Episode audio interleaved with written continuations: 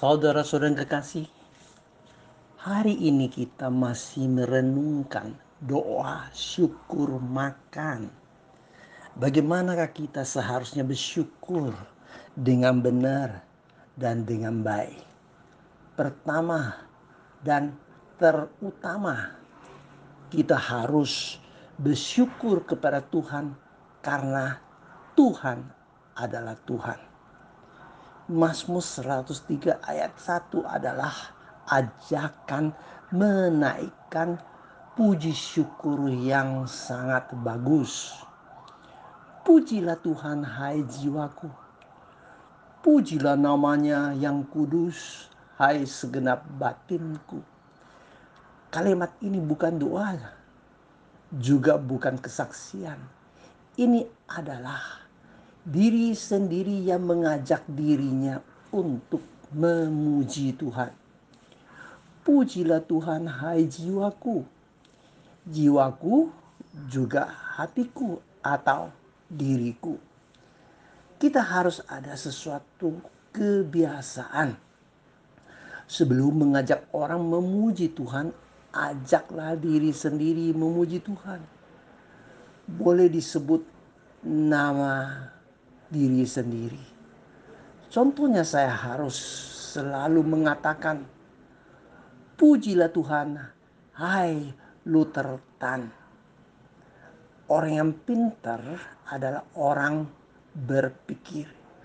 Orang berpikir adalah orang yang mengajukan pertanyaan kepada dirinya dan menjawab sendiri dalam hatinya ketika suasana yang menakutkan, bahkan sangat gelap, pikiran kita sangat kacau, orang pinter dan beriman. Tidak perlu ada orang datang memberi nasihat. Roh Kudus sendiri yang bekerja dalam hati kita. Sehingga diri kita menasehati kepada diri sendiri Pujilah Tuhan, hai jiwaku. Pujilah nama yang kudus, hai segenap batinku. Kita percaya di kolong langit ini tidak ada nama lain yang memberi keselamatan. Dalam hidup kita hanya ada satu Tuhan. Tidak boleh ada berhala dalam hati kita. Tuhan adalah sumber berkat dan sang pemberi berkat. Segenap batin, yaitu segenap hati, harus memuji Tuhan. Biasanya manusia memakai pikirannya hanya 10%. Ada 90% masih terpendam, belum terpakai. Kini pemazmur ingin supaya semua kemampuan yang dalam batinnya, segenap pikiran dan segala perasaan. Jangan ada yang disimpan dengan penuh kegairan dan sukacita memuji Tuhan.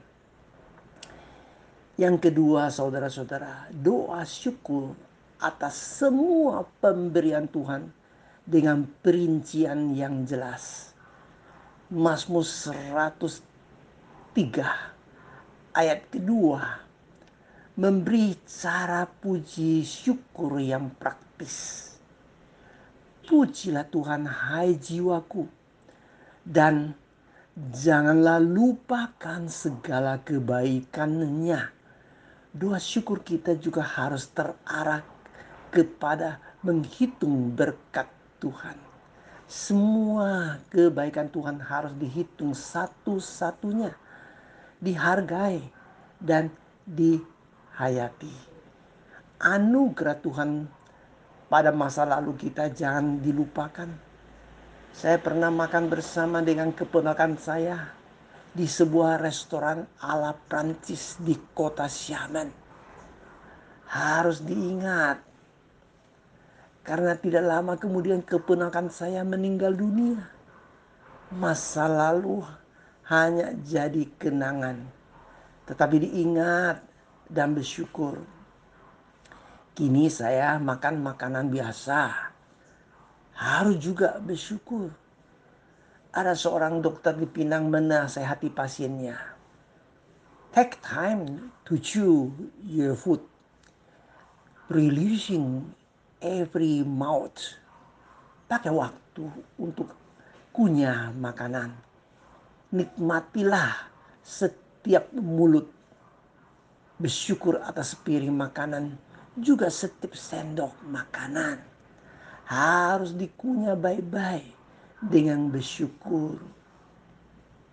Ada orang ketika makan tidak mau mengikuti nasihat dokter. Ketika dinasehati katanya, semua makanan yang enak adalah berkat Tuhan. Jangan kita menolak berkat Tuhan dong. Apalagi saya sudah berdoa supaya semua makanan menjadi berkat bagi saya. Tidak lama kemudian si jago makan ini kena stroke. Tapi tetap tidak mau bertobat. Katanya, bila tidak bisa makan enak, lebih baik mati aja. Filsafat hidupnya adalah hidup untuk makan, bukan makan untuk hidup. Akhirnya pada usia 50-an ia meninggal dunia. Orang bilang dia sih enak, tapi keluarganya sengsara. Doa syukur makan harus disertai dengan taat kepada nasihat dokter. Sehingga makan untuk hidup bisa terlaksana dengan benar dan baik. Dokter mengatakan, kurangilah 3D, 3G, 3G. Ya, harus taat.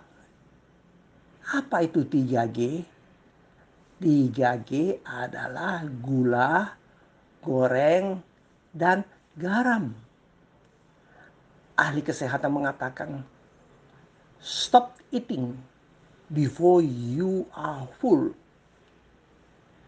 Maka jangan makan sampai sangat kenyang di pesta.